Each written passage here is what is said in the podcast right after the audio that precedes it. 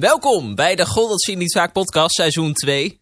Mijn naam is Sander Klootwijk, Pabo-student aan de Hogeschool Utrecht, locatie Amersfoort. En mijn naam is Dominique Bosman, eveneens Pabo-student aan de Hogeschool Utrecht in Amersfoort. Het vorige seizoen van deze podcast begonnen met de vragen die wij als mannen in het kleuteronderwijs hadden. Denk aan het verschil tussen mannelijk en vrouwelijke kleuterleerkrachten of routines en kleuterrituelen. Maar we hebben besloten het dit seizoen ja, over een andere boeg te gooien. Ja, we gaan zoveel mogelijk vakgebieden langs die op de basisschool worden aangeboden. En we onderzoeken wat dat vak dan precies voor kleuters te bieden heeft. En natuurlijk zijn er vakken als rekenen en taal die al nodige aandacht hebben gehad. Dus zoeken wij het in de wat zeldzamere vakgebieden. Denk aan Engels, wetenschap en technologie, geschiedenis, aardrijkskunde, etc. Voordat we beginnen moeten we even iets rechtzetten. We hebben een uh, recall, om het maar even zo te noemen. We moeten iets corrigeren uit de vorige aflevering. En ja, we werden erop gewezen door Louise uit België, uit Vlaanderen. Want in de vorige aflevering zeiden we over de lerarenopleiding in Vlaanderen... dat daar de mogelijkheid was om het eerste jaar te oriënteren en daarna een richting te kiezen.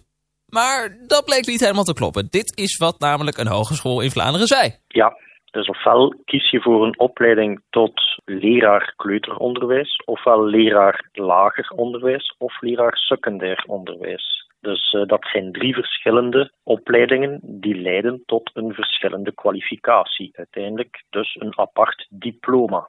We hebben allemaal een apart curriculum, een apart programma uiteraard, waar je doorloopt gedurende drie academiejaren. Je hebt bepaalde zaken die je gemeenschappelijk moet bereiken, die zitten uiteraard ook in het curriculum. Zeker tussen kleuter en lager is dit het geval in het curriculum. Bij secundair is dat nog iets anders. En of dat bij alle hogescholen in Vlaanderen zo is? In de basis is dat overal hetzelfde. Namelijk, er zijn drie verschillende lerarenopleidingen. Kleuter, lager, secundair. Maar wij hebben wel de vrijheid als hogescholen om ons eigen curriculum van drie jaar te bouwen. Begrijp het in een metafoor. We gaan allemaal op reis naar Parijs, maar de weg naar Parijs kies je zelf. Dus er is een nauw verband tussen de opleidingen in sommige gevallen, maar de keuze voor kleuter, lager of secundair onderwijs staat van tevoren vast. Heb jij nou ook onjuiste informatie gehoord in deze podcast waarvan jij zegt, ja, dat moet even gecorrigeerd worden? Laat het ons dan weten via de Instagram, God dat zie je niet vaak, G-O-H, dat zie je niet vaak, op Instagram. Goed, nu dat uit de weg is, even iets nieuws dit seizoen van eh, de God dat zie je niet vaak podcast. Namelijk de Grabbelton. En in die Grabbelton zitten allemaal vakgebieden die wij kunnen gaan behandelen dit seizoen. En Dominique, aan jou de eer. Eindelijk. Jij mag je hand erin steken. Yes. Ik uh, stroom mijn mouw vast even op. Ja. Uh, Oké. Ja, kijk wel uit, want er kunnen ook andere dingen dan vakken in zitten. Uh, Oké, nou daar gaat hij. Even kijken. wat is dit nou weer? Hè?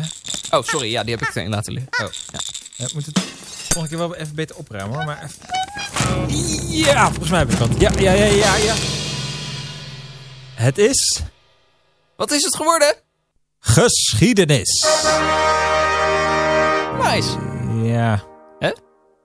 Ja, nou, ik moet eerlijk zeggen, ik heb niet hele goede ervaringen met geschiedenis, uh, al moet ik het wel zeggen. Maar, uh, hoezo? Nou ja, ik, ja, ik vind het een beetje snant dit, maar ik had voor mijn centraal examen op de middelbare school een 3. En ik heb hem toen herkanst en toen had ik een 2 voor geschiedenis. Oei. Dus ja, ik, uh, ja, nou goed, we, nou, we maken er wat van. Ja, ga met, ga met een vergisse blik in. Misschien kunnen we nog recht zetten deze ja. aflevering. Oké. Okay. De God dat zie je niet vaak podcast. Met Dominique Bosman en Sander Klootwijk. Seizoen 2, aflevering 1.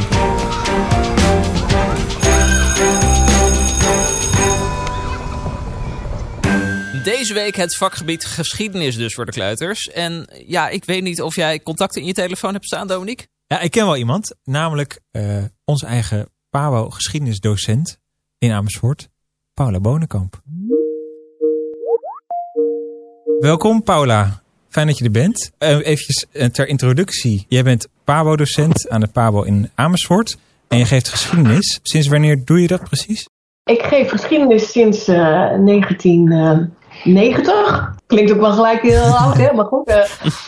Maar op de PABO werk ik vanaf 99, ja. Oké, okay, in Amersfoort? Nee, ik ben begonnen in, uh, in Haarlem op de PABO. En ik werk sinds 2003 op Domstad, de voorloper van uh, ah. PABO, nu Amersfoort. Oké, okay. en, en wat maakt dat vak nou zo leuk, in tegenstelling tot andere vakken? Ik ben Eigenlijk wel van wereldoriëntatie. Dus het is niet speciaal dat het dan ook alleen maar geschiedenis moet zijn. Maar ik vind ook aardrijkskunde heel interessant. Geschiedenis en aardrijkskunde sluiten elkaar ook op heel veel onderdelen heel goed aan. Ja, waar, waarom me dat aanspreekt is omdat de dingen zoals ze zijn, die komen niet uit de lucht vallen. En die zijn ontstaan, uh, die hebben een reden, daar zitten verhalen achter. En ik hou van die verhalen, ik vind dat interessant.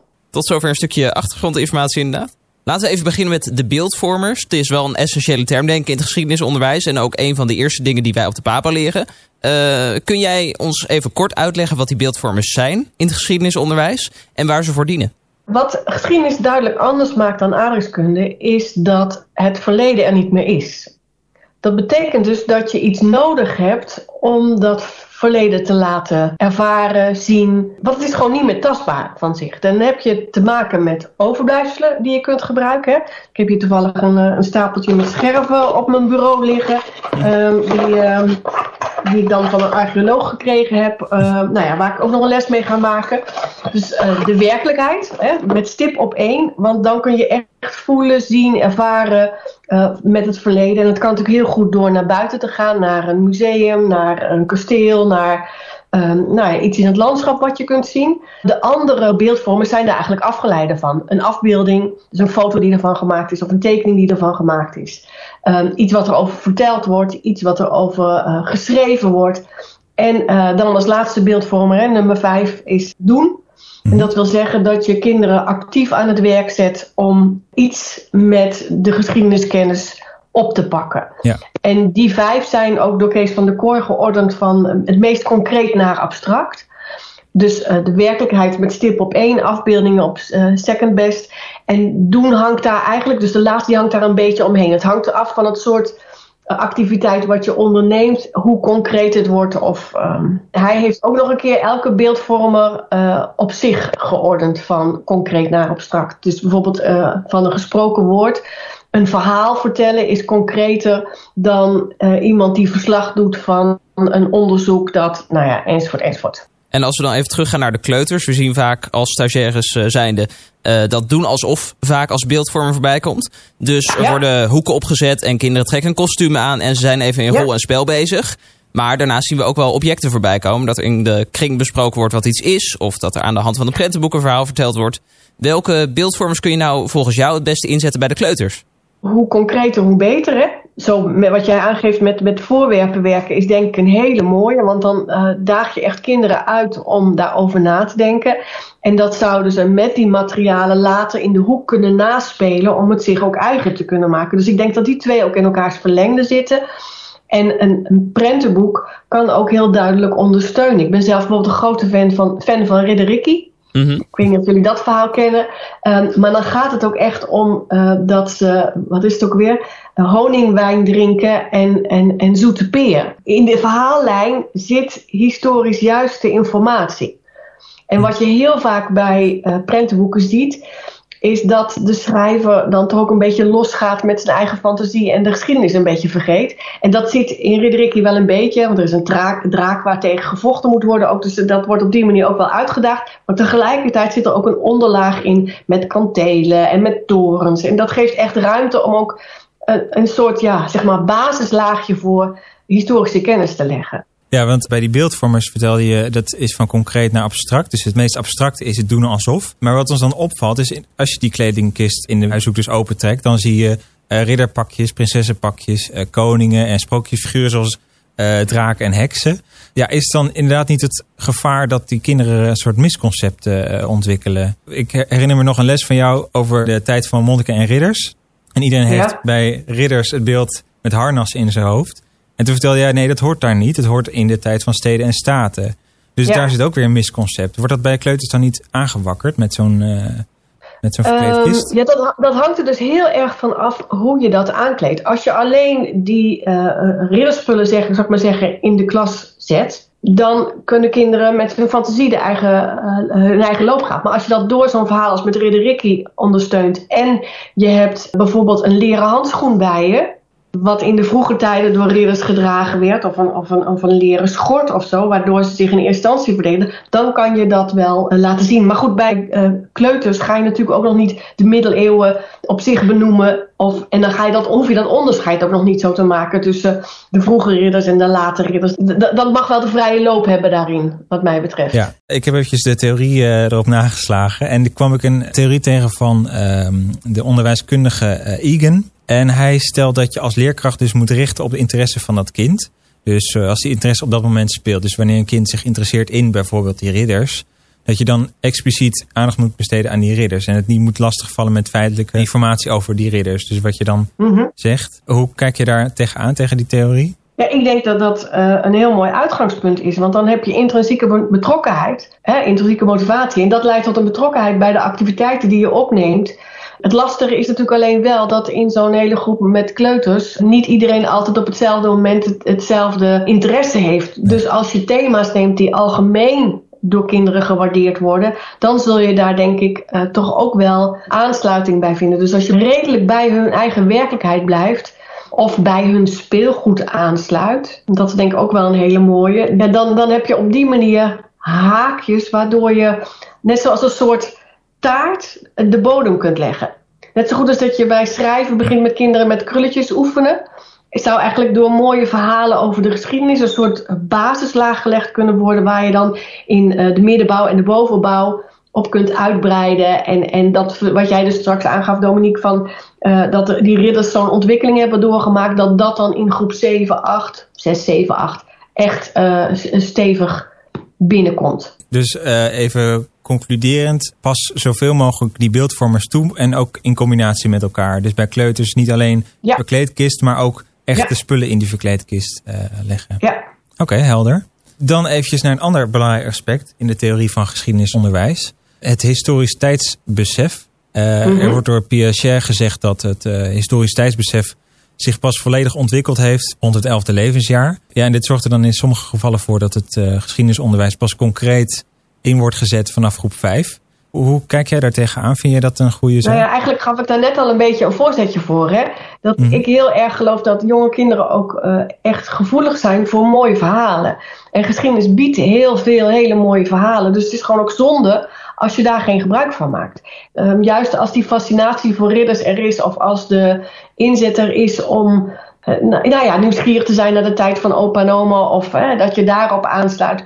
Waarom zou je dat dan, daarmee dan wachten totdat ze in groep 5 zitten?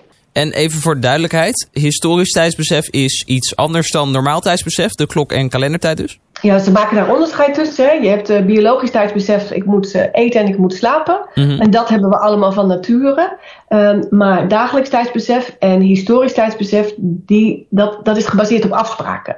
Dat heb je dus niet van nature, dat moet je kinderen ook leren. En mm -hmm. uh, dat begin je dus op een simpele manier met dat dagelijks tijdsbesef, bijvoorbeeld met die dagritmekaarten. En datzelfde systeem van ordenen in de tijd met afbeeldingen kun je ook met jonge kinderen al doen rondom uh, verhalen van vroeger. Dus als je een verhaal hebt gehad over ridders en uh, je gaat daarna misschien een keer een verhaal vertellen over de Romeinen, dan kan je wel laten zien van kijk, maar dat was nog daarvoor. En dan kun je hetzelfde systeem gebruiken als die dagritmekaarten. Dus dat is gewoon een manier van ordening aanleren. Mm -hmm. En daar kunnen jonge kinderen ook al een stapje in maken. En die hoeven dan natuurlijk helemaal niet te weten over welk jaartal dat gaat, maar wel vroeger en later, daar kun je wel mee oefenen. Ja, jij zei ook altijd in je les een tijdbalk is onmisbaar. En uh, je benoemt zelf ja. al de dagritmekaarten. Die worden dus gebruikt om mooi de volgorde van de dag aan te geven. En worden aan het begin van de dag even met de kleuters doorgenomen. En gedurende de dag wordt er ook continu weer naar gewezen. Um, dat is dus enigszins vergelijkbaar met een tijdbalk? Ja, in feite wel. Um, het op die manier visueel maken van tijd, dat, dat is eigenlijk precies hetzelfde als wat je met een tijdbalk doet. Een mooi opstapje dus. Jazeker. En ik denk als kinderen uh, um, daaraan gewend zijn, dat daar inderdaad veel naar verwezen wordt. En dat je dat uh, met een, een tijdbalk in de klas ook op precies dezelfde manier doet. Dat er telkens weer erbij betrekken, telkens weer laten zien. Weet je nog, we hebben het hier over. Straks komt dat. Of in de volgende les gaan we daarmee over hebben. Ik denk dat je kinderen dat dan ook die denkstappen kunt helpen maken. Even terug naar het hier en nu. Het aanbod van geschiedenismethodes is vrij karig in de onderbouw. Dominique, jij bent ja. uh, mediatheek ingedoken. Wat heb je gevonden? Ja, Uh, nou, ik ben de mediatheek ingegaan op zoek naar uh, geschiedenismethodes. Hoe wordt het aangeboden? Uh, met name gericht op kleuters. En ik was vrij snel klaar. want ik had één methode gevonden. de methode tijdstip. Ben je daarmee bekend, ja. Paula? Ja, ja, die heeft een duidelijke kleuterversie. Ja, ja. groep 1, 2. Nou, en ik, die stond in de categorie geschiedenis. Dus ik ben het even door gaan bladeren. Maar alle lessen die daarin staan, die vinden plaats in het hier en nu. er wordt niet echt in de geschiedenis gedoken. Enkele thema's zijn uh, verhuizen, uh, familie, de politie, sparen en verzamelen. Ik relateer dat niet per se aan geschiedenis. Is dat ergens misschien toch wel een opstapje naar geschiedenisonderwijs uh, voor de hogere groepen? Ja, dat is zeker wel een opstapje ook. Ik heb zelf hier ook nog staan. Ik weet niet of jullie die kennen. Tom kijkt om. nee, die ken ik niet. Dat vind ik zelf ook een hele mooie methode die ook echt over tijd gaat. En die uh, het dan ook heeft over, uh, nou ja, zo'n onderdelen van de dagritmekaarten. Maar juist ook naar klokken. En oh bijvoorbeeld ook uh, rommel op zolder. Of seizoenen. En dan zit je deels in dat dagelijks tijdsbesef te werken. Maar tegelijkertijd is er ook aanzetjes om um, bijvoorbeeld met spullen die op zolder liggen. Hoe komen die daar dan? Van wie hmm. zijn ze geweest? Wat kun je daar dan hmm. uithalen? En dan kun je natuurlijk in je lessen net zo groot maken als je maar zou willen. Ja, de, de link is er wel. Alleen is het eerder een soort uh, oriëntatie in, de, in het heden... die ook gerelateerd is aan het verleden op die manier. Ja, en wat ik ook zou doen, laat ik het zo zeggen. Dus niet alleen maar zoals hier met foto's van je eigen kindertijd, hè, wat, uh, wat ik hier dan bij heb. Maar juist ook door bijvoorbeeld een oude afwaskwast mee te nemen of een oude wasknijper. Hè? zoek de materialen mee de klas en waarvoor wordt dat dan gebruikt? En waar, waar, uh, waar lijkt dat dan op? Of waarom is het anders? En als je daar een, um, een slag in maakt door kinderen daarover na te laten denken dat dingen in ontwikkeling zijn. Dat we nu een vaatwasmachine normaal vinden, maar vroeger was er geen machine. Hoe deden we dat dan? En dan kun je over veel meer dingen nadenken. Want als er geen machine is, dan is er dus ook geen auto. Volgens mij zijn dat hele uh, mooie aanknopingspunten om over het verleden te praten. En dat mag best dan nog in hele grove lijnen blijven. Mm-hmm. Maar juist kinderen daar al wel een beetje bewust van maken. En je zult ook zien binnen je groep dat je daar grote verschillen in krijgt. Sommige kinderen zijn daar heel erg ontvankelijk voor, voor verhalen en willen dat zien. En voor andere kinderen is dat nog even niet in hun uh, belevingswereld. Hè? Dan zijn ze nog meer in het hier en nu en dan staan ze er helemaal nog niet open voor. Dus dan, dat, daar zul je zelf ook uh, ja, naar moeten kijken. Ja, en er wordt vaak ook wel gezegd bij kleuters, ga niet te ver terug in die tijd. Bij die wasknijper bijvoorbeeld en de afwasborstel, dan hou je het nog bij opa en oma. Je bekijkt wat voorwerpen uit de vorige eeuw en toch worden er ook wel thema's als ridders, kastelen en dinosaurussen behandeld. Wat zijn thema's die je bij kleuters kan aanbieden? Ze zijn niet echt dicht bij huis, zou je dan zeggen. Maar... Uh, nee, dat, dat klopt. Maar omdat wat je bijvoorbeeld ziet bij Playmobil, dat ze een hele uh, Romeinen-serie inbrengen. Eh, ik vind het zelf heel opvallend dat, dat kinderen daar dan dus toch ook heel goed in mee kunnen gaan. Al weten mhm. ze nog niet precies wat er dan en wanneer dat dan geweest is. En Um, als kinderen een ouder broertje of zusje hebben die daar um, uh, uh, mee spelen, dan worden ze daar soms zelf ook nieuwsgierig naar. Dus daar, daar kun je dus op die manier wel aansluiten. En dan is het inderdaad heel ver van hun bed. Maar volgens mij wel mooi een, een haakje om over andere tijden te praten. Ja, en die ordening daarin, hoe het precies zat, dat komt dan later wel. Dat komt dan later wel. Maar je kunt dan op een gegeven moment wel zeggen, ja, maar dan hadden we ridders en dan nog vroeger, de oma van de oma van de oma van de oma van de En nog daarvoor, dan. Maar dan moet je dus eerst wel het begrip opa helder hebben. Tot slot, um, heb jij nog voor kleuterleerkrachten of kleuterleerkrachten in spe zoals wij, um, nog tips wat betreft geschiedenisonderwijs? Uh, wat ik zelf, een, uh, uh, een opdracht die we in Haarlem al deden, ja, wat ik zelf een hele mooie vond, was het Stenenmuseum. Kinderen hebben de neiging om dingen op straat te vinden, steentjes in hun zak te stoppen. Mm. En uh, die kun je heel mooi gebruiken als, als uitgangspunt voor onderwijs. En uh, dat zou je dan kunnen koppelen, aan een prentenboek over het museum van Dick Bruna bijvoorbeeld. Of over uh, het mooiste visje van de zee. Waarom is jouw steen het mooiste? Hoe kun je jouw steen nog mooier maken? Dan kun je er een kunstles aan toevoegen. Um, maar dan kun je op die manier ook uh, het verzamelen en um, um, ja, museale functies, erfgoed uh, in de picture zetten. En ik uh, vond dat zelf een van de toplessen uh, aan de onderbouw die ik me kan herinneren. Nou, dat klinkt een goede, goede tip. Die nemen we mee. Ja, gewoon zoveel mogelijk in je broekzak steken en lekker concreet aan de slag gaan. Ja, Ja, weet je, en wat, dan krijg je dus, eh, dan laat je kinderen daarna met die stenen die ze bijvoorbeeld hebben versierd en verzameld en uh, een soort museumpje inrichten. Je nodigt ouders uit om dat museum te bekijken. Uh, je laat kinderen die dat al kunnen uh, steen stempelen. je kunt dus al die aspecten van het kleuteronderwijs daar prachtig aan verbinden. Ja, want, want dat is denk ik bij kleuters ook heel erg. Het gaat natuurlijk niet over geschiedenis, het gaat natuurlijk niet over schrijven, maar het gaat om het hele ontwikkeling en daar heb je een aanleiding voor nodig. En dat kan zoiets als gewoon losse steentjes dus ook zijn. Poeh, uh, behoorlijk wat eh, informatie van Paula gekregen. Uh, heel interessant. En zij zegt vooral, hou het dus dicht bij huis. Um, ja, dat gaan we dus nu eventjes niet doen, want we gaan erop uit. Uh, Sander, want we hebben een gesprek met Gitta Paans. En zij is werkzaam in het Openluchtmuseum in Arnhem. Welkom, Gitta. Even een kleine introductie van jezelf. Je bent nu conceptontwikkelaar educatie bij het Openluchtmuseum. Wat houdt deze functie precies in?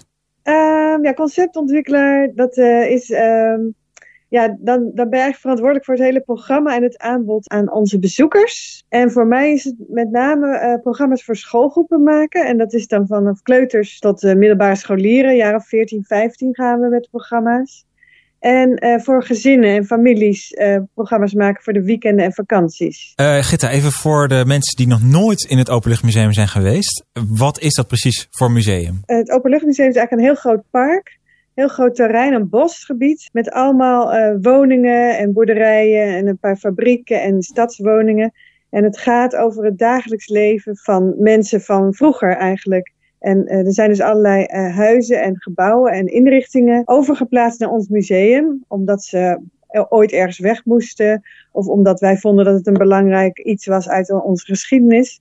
Maar je stapt dus eigenlijk de geschiedenis in en dan gaat het niet over politieke dingen of over kunst of over ja, wat hoogdravender dingen. Het gaat over het dagelijks leven van hele gewone mensen eigenlijk. Ja, en want uh, ik ben er volgens mij heel lang geleden een keer geweest. en Sander uh, vorig jaar volgens mij. Ja, ja. Uh, maar het is niet per se een specifiek tijdsvak. Hè? Het, het zijn meerdere geschiedenisperiodes die in jullie museum centraal staan, volgens mij. Ja, de gebouwen die we hebben, die gaan ongeveer terug tot iets van rond 1650. We proberen nu ook wat dingen te verzamelen, dus dat we gewoon meegaan met onze tijd. We hebben wel een, uh, binnen een tentoonstelling van de kanon van de Nederlandse geschiedenis. En daar beginnen we wel helemaal bij het begin. Maar we hebben geen prehistorische boerderijen of uh, Romeinse uh, dingen, dat soort dingen niet. Maar ja, vanaf 1700 zijn we wel redelijk goed vertegenwoordigd. we zagen op jullie website dat er verschillende onderwijspakketten worden aangeboden, die dus ook specifiek op kleuters zijn gericht, wat je al zei. Zo is er een pakket voor Sint Maarten en Sinterklaas. Maar is er ook een pakket keuterboeren. Dat is op kleuters gericht. Dat willen we nog even bespreken. Want mensen kunnen dat op de website vinden. Maar misschien kun jij ons daar wat enthousiast voor maken. Wat voor pakket is dat precies? Nou, wij, praten over uh, programma's. Een lespakket dat is voor ons een, uh, een, uh, ja, een aanvullend iets wat je op school kan doen om voor te bereiden. Of om daarna nog iets te doen met het programma. Maar de programma's die je op de website vindt, die zijn vooral uh, dat de groepen naar ons toe komen. Dus hebben we inderdaad voor kleuters uh, drie programma's. Er is nog eentje in de maak, maar kan ik zo nog wat over vertellen. En keuterboren, dat gaat ja, heel erg over het leven van vroeger. En uh, met name op de boerderij en hoe kwam je vroeger aan je eten. Nu staat er al een volledig programma, maar hoe komt zo'n programma tot stand? Wat gaat er allemaal aan vooraf? Nou, er gaat van heel veel aan vooraf. Wij hebben altijd met een marketingafdeling, een salesafdeling te maken, omdat we uh, met hun bepalen wat voor aanbod gaan we doen voor wat voor groepen. Er zijn niet zo heel veel musea die programma's hebben voor kleuters. En uh, we hebben toch gemerkt dat scholen ook met kleuters wel bij ons willen komen. Dus uh, daar is het eigenlijk uit ontstaan. We hebben toen ook ooit bij Keuterboer hadden we ook een programma voor gezinnen waarbij we voor de jongste kinderen dat programma over de dieren uh, hadden. Daar is dit programma uit ontstaan. En toen hebben we met uh, docenten, klankbordgroep, hebben we dan altijd docenten van basisonderwijs en dan met name mensen die in het kleuteronderwijs zitten, afgestemd. Wat kunnen we doen met kleuters? Hè? Want dat is toch best wel een aparte doelgroep inderdaad. En mm -hmm. geschiedenis, dat krijg je nog meestal niet uh, in de kleuterklasse. En echte methodes en zo, die beginnen ook pas vanaf groep 4, 5. Dus hebben met die docent over gehad van, ja, wat, wat kan je eigenlijk meegeven? En ik las al in jullie stukje dat je inderdaad heel erg dicht bij de kleuters moet blijven en bij hun eigen belevingswereld. Dus wat ja. we dan bij het kleuterboeren hebben, dat gaat over het leven van vroeger op een boerderij. Hoe kom je je dag door? Wat deed je daar? En uh, dat, dat sluit heel erg aan wat met eigen leven.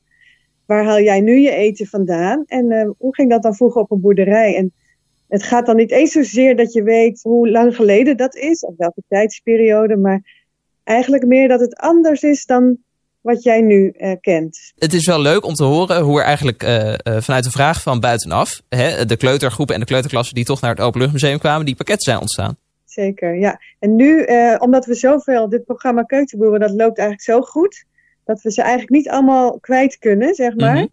En, uh, dus we hebben vorig jaar besloten, er moet een nieuw programma bij. Wij gaan iets maken over ambachten, een heel uh, soort lab waar mensen, ook gewoon volwassen bezoekers, ja, met ambachten aan de slag kunnen. En we hebben besloten dat we dat voor kleuters ook gaan doen. We hebben toevallig twee weken geleden een test gehad. Toen waren de musea nog net open. Hadden we een eerste proef. En toen heb ik een groep kleuters gehad om eens bij onze ambachtsbuurt te gaan kijken. Bij de smid en bij een scheepswerf. En we hebben ze zelf ook wat dingen laten uitproberen. Om gewoon eens een idee te krijgen van uh, wat snappen ze er eigenlijk van. En toen waren we al even met die docenten naar, langs de smid gelopen en zo. En, en die smid die zei, ja als hier kinderen komen, vooral zo klein. Die zijn alleen maar verbaasd. En soms zijn ze bang, want er is vuur en het is er donker. Dus je kan eigenlijk geen informatie geven. Toen hebben wij bedacht, oké, dan moeten we dus van tevoren op school heel veel gaan voorbereiden. Dus die docenten, we hebben foto's gemaakt en filmpjes gemaakt. En de docenten hebben voordat ze kwamen heel uitgebreid de smederij laten zien met alle hoekjes en foto's en allemaal uh, ja, plekjes die ze gaan herkennen. En dat werkte wel, want ze waren niet helemaal verbaasd. Nog wel onder de indruk, maar er kwam een gesprekje. Dat was wel heel erg leuk. Ze hadden echt vragen. Mooi om te horen, inderdaad. En heb je als museum de volledige vrijheid om te maken wat je wil? Of zit er bepaalde criteria en restricties aan vast? Nee, we zijn best wel vrij om te maken wat we willen. En we willen wel natuurlijk dat het aansluit bij de scholen. Dus vanaf de start betrekken we docenten erbij. En ik ben zelf ook wel veel gaan kijken bij collega-musea. Maar iedereen heeft weer andere onderwerpen en mm -hmm. andere dingen die je wil uitlichten. Het is heel goed om te kijken en wij kunnen dat zelf bepalen inderdaad. Die ambachten vonden wij als museum belangrijk om aandacht aan te besteden. En we gaan dan zorgen dat het aansluit en passend wordt gemaakt voor kleuters. Uh, mo mooi, uh, mooi onderwerp is dat in het ambacht. Uh, ik vroeg me af, want je vertelde over andere musea hebben weinig aanbod voor kleuters. In hoeverre ben je als ja, educator van het museum. Heb je zicht op hoe andere musea in Nederland hun lesprogramma's vormgeven? Doen, jullie dat echt op eigen houtje of betrekken jullie andere onderwijsspecialisten en musea bij het ontwerpen van jullie lespakketten? Ik zelf ga vaak kijken en veel praten met, uh, met andere musea en dan horen wat voor overwegingen zij hebben en wat voor afwegingen ze hebben gemaakt. Mm -hmm. En waar maar kom je dan op uit meestal? Wat zijn afwegingen die ze maken? Voor kleuters kan het heel erg zijn dat je. De logistiek is heel belangrijk. Want zeker bij ons het museum, maar in andere musea ook. Ze gaan echt vanuit school naar een andere plek. Dat is al heel wat. Die reis is al heel indrukwekkend. Het moet heel overzichtelijk zijn. En ze moeten goed voorbereid zijn dat ze daar dingen gaan herkennen. En dat de plek waar ze in het museum zijn, dat dat ook voor hen overzichtelijk is. Dat, dat bleek nu uit onze test. Wij moesten echt een heel eind lopen van de ene plek naar de andere plek. nou, dat was gewoon echt gewoon zwaar voor ze, fysiek zwaar, mm. maar ook uh, in de aandacht. En ik heb bijvoorbeeld in het, ik weet niet of jullie daar ook zijn geweest, in het uh, Maritiem Museum in Rotterdam. Hebben ze ook een hele leuke tentoonstelling voor, en, en een programma voor, voor kleuters. Daar hebben ze een heel, hele beperkte ruimte, zeg maar. Het is heel duidelijk. Je kan elkaar altijd zien. De begeleiders kunnen elkaar altijd zien. Dat soort dingen zijn. De veiligheid is wel belangrijk, het gevoel. En dat heb ik wel goed bij hun ook gezien. Ja, het is een beetje uh, opnieuw het wiel uitvinden. Zo komt het over. Maar het is wel leuk dat er een opkomst in zit in uh, de programma's voor kleuters bij musea. Je benoemde het uh, zelf net al even in het interview. De programma's die aangeboden worden voor de kleuters, die zijn heel concreet wat betreft het onderwerp. nou, het blijft heel dicht bij de interesse van het kind. Sint Maarten en Sinterklaas zijn feesten die ze al kennen. En Keuterboeren richt zich natuurlijk op iets waar kinderen dagelijks mee te maken krijgen. En verschillende geschiedenisdidactieken die wijzen ook uit dat dat een heel effectief middel is. Dus een onderwerp wat uh, dichtbij ligt. Is dat ook jullie uitgangspunt? Dat het uh, vatbaar moet blijven voor jongkinderen? Ja, zeker. Dat hoorden we ook. Oh, dus die gesprekjes bij, toen nu we met die ambachten bezig zijn. Het gaat echt heel snel over hun hoofd heen, zeg maar. Mm -hmm. uh, en ze reageren heel erg op wat ze direct zien ook. En als je, we waren bij die botenbouw, dan krijg je gelijk verhalen terug van de kinderen. Dat ze zelf ook wel eens op een boot hebben gezeten. Of, het, het moet ze echt heel erg aansluiten. Dus eigenlijk, je wil als, uh, tenminste heb ik vaak, dat je denkt, oh, dit zijn allemaal leuke onderwerpen, allemaal leuk voor die kinderen.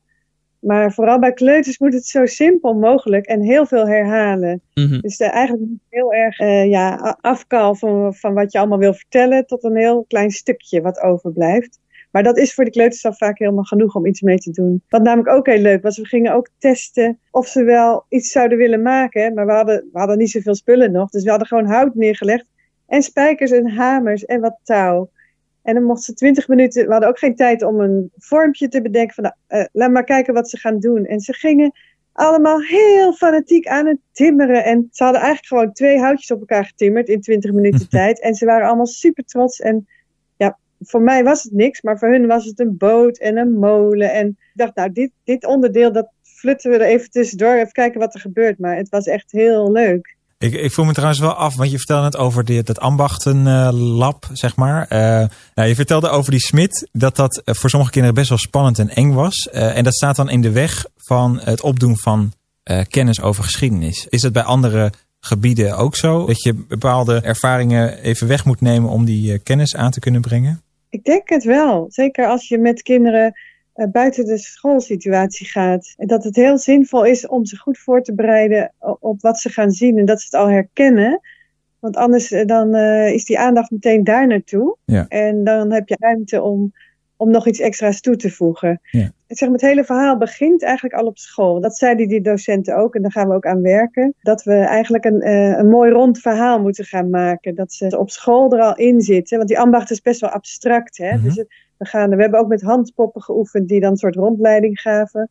Dus we willen het meer in een verhaal gaan doen met die poppen. Dat het voor hun ja, wat betekenis krijgt. Ja, dus als je zegt, als er geen voorbereiding is, een bezoek aan het museum heeft dan weinig nut. Behalve dan dat het uh, heel veel indrukken geeft, maar weinig kennis opdoet. Ik denk dat je de ervaring beter maakt als je het goed kan voorbereiden. We merken ook heel vaak dat scholen niet voorbereiden hoor. Een heleboel doen het wel, maar ook best wel, ik denk wel, misschien wel de helft doet het niet. Dan gaat het programma ook goed. Maar ik denk dat het wel leuker is als je het kan voorbereiden. En ik snap dat het voor scholen soms lastig is. Dus wij gaan nu ook inderdaad kijken naar kleine korte filmpjes die je gewoon makkelijk op je digibord aan kan zetten. En dan hoef je ook niet hele lessen te gaan uitvoeren, maar toch wel een introductie met beelden waardoor de kinderen ja, dingen herkennen en weten wat, wat, wat er gaat gebeuren. Ja, we hopen dat binnenkort de musea natuurlijk weer open gaan en dat we uh, volop uh, klassen met kleuters kunnen verwachten.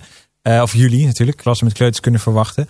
Um, wat kunnen ze dan verwachten? Want je hebt het al over dat nieuwe lesprogramma, over het ambacht lab. Wanneer kunnen we zoiets verwachten? Uh, ja, dat is nu een ontwikkeling. Dat gaat starten uh, in september volgend jaar, want het moet nog helemaal gebouwd worden. En uh, ja, dus we hebben keuterboren als aanbod en we hebben nog een hele leuke speurtocht waar de kinderen langs huisjes gaan. De dag van Deetje heet het. En dan gaat het over wat doe je allemaal op een dag. Je gaat slapen, dus je gaat een bedstee in. Je moet naar de wc en dan heb je zo'n buiten uh, playhuisje. Je gaat spelen, overal kom je langs het, een speurtocht langs de huis en overal kan je iets zien van een kindje van vroeger. De deetje volg je dan. Dus dat, is, uh, dat, dat kan ook. Dat is als we weer open gaan, dat is allemaal in maart dan. Hopelijk gaan we dan lekker weer open. Dan gaan, worden alle programma's weer aangeboden.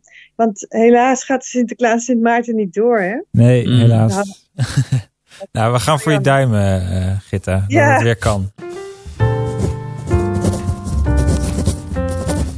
Het audiocolumn van Nanda Dorrestein. Zoals uit beide interviews ook al naar voren komt, is het van belang dat je geschiedenis aanbiedt aan de hand van concrete voorbeelden en thema's die de kinderen nu aanspreken. Dompel de kinderen onder in het thema. Laat het de hele dag terugkomen in alles wat je doet. Denk aan het thema Ridders en Kastelen. Lees erover voor, bied woorden over het thema aan, zing erover en kijk filmpjes. Vervolgens bouwen de kinderen in de bouwhoek een kasteel met kantelen, een slotgracht en een ophaalbrug. Die woorden uit de les of het prentenboek komen dan weer terug. Voor de fijne motoriek laat je de kinderen van plakvormpjes een kasteel op het platte vlak maken. Ook hier komen weer die begrippen terug. Tijdens het buitenspelen in de zandbak maken we weer een kasteel. En in de slotgracht mag nu echt water. Nou, reken maar dat ze de woorden dan goed onthouden. Hiermee leg je een basis, of zoals de docent geschiedenis van de HU aangaf, je maakt een bodem voor de taart voor de geschiedenislessen in de toekomst. Eigen geschiedenis spreekt kleuters ook heel erg aan. Wanneer ze foto's van hun babytijd mogen meenemen en daarover mogen vertellen, staan ze vol te glunderen. Dit kun je uitbreiden door oude voorwerpen te laten zien en daarover te vertellen. We hebben een tweejaarlijks project waarbij we een koffer vinden met allerlei voorwerpen van vroeger. Deze voorwerpen bekijken we en bespreken we. Vervolgens komt er een acteur de koffer weer ophalen. Om te bewijzen dat de koffer echt van hem is, vertelt hij een aantal mooie verhalen over de voorwerpen uit de koffer. De kinderen luisteren dan ademloos. Regelmatig komen de volgende dagen allerlei voorwerpen mee naar school van opa's en oma's van de kinderen die ze graag willen laten zien. En tenslotte, zie geschiedenis bij kleuters klein. Gisteren is ook geschiedenis. Door gebruik te maken van een weekrooster en dagritmekaarten maak je kinderen bewust van de tijd. En daarbij gebruik makend van de begrippen zoals gisteren, vandaag, morgen of volgende week.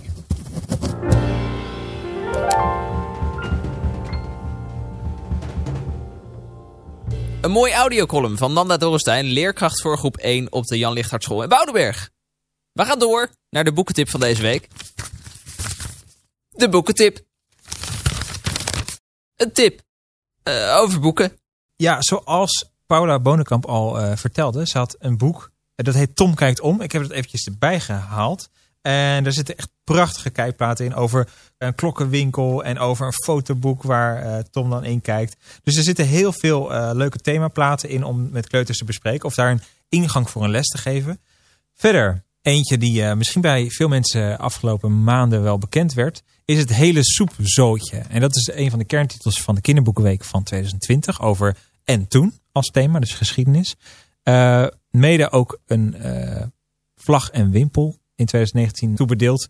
En het hele soepzootje gaat over het ontstaan van het heelal, de aarde, de mensen en de rest. Zo zegt het boek zelf.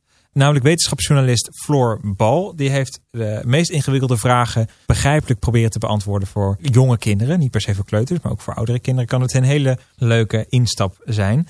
Uh, het boek zit vol met echt waanzinnig mooie platen over het ontstaan van onze aarde. Tot aan de dinosaurussen en de maanlanding aan toe. Dus een hele mooie ingang ook weer uh, om met kleuters mee aan de slag te gaan. Twee mooie boekentips. Dominique zet ze nog één keer op een rijtje. Nog even alle tips op een rijtje. Namelijk Tom kijkt om, door Jan den Ouden geschreven. En het hele soepzootje van Floorbal en Sebastiaan van Donik. Wil je nou nog meer boekentips? Kijk dan even op onze Instagram pagina. Daar staan nog een paar extra tips. Conclusie. Houd het dicht bij huis of, nou ja, zoek de geschiedenis vooral in de eigen beleving van de kinderen en werk van daaruit de geschiedenisonderwerpen grondig uit. Houd het niet enkel bij een ridderpakje of prinsessenjurkje in de verkleedhoek, maar voeg ook echte historische materialen toe aan je lessen en tijdens de zelfstandige werktijden van de kinderen. Echte materialen, boeken, filmpjes en nadoen combineren werkt het allerbeste. Mocht je de geschiedenis echt tastbaar willen maken door bijvoorbeeld een bezoek aan een historisch museum, kader je bezoek dan goed in. Dit doe je door je leerlingen goed voor te bereiden op de thema's die ze gaan tegenkomen. De kennisopname volledig laten afhangen van een museumbezoek werkt door de waanzinnige hoeveelheid en indrukken vaak averechts. Voor de volgende keer houd onze socials goed in de gaten, want daar gaan wij weer het eh, thema op bekendmaken. En zodra dat verschijnt kun jij misschien vragen insturen over dat thema of een leuke boekentip geven. Of zijn er andere zaken waar je ons misschien mee kunt helpen? Je kunt ons vinden op Instagram, God dat zie je niet vaak, G-O-H dat zie je niet vaak. En ook op Facebook zijn we te vinden onder die naam. En de rest, dames en heren, was geschiedenis. Koffie. Lekker. En roddelen over ouders. Dat altijd natuurlijk. Vind je deze podcast leuk? Deel hem dan met vrienden, collega's en familie. En vergeet niet om een beoordeling achter te laten in jouw favoriete podcast app.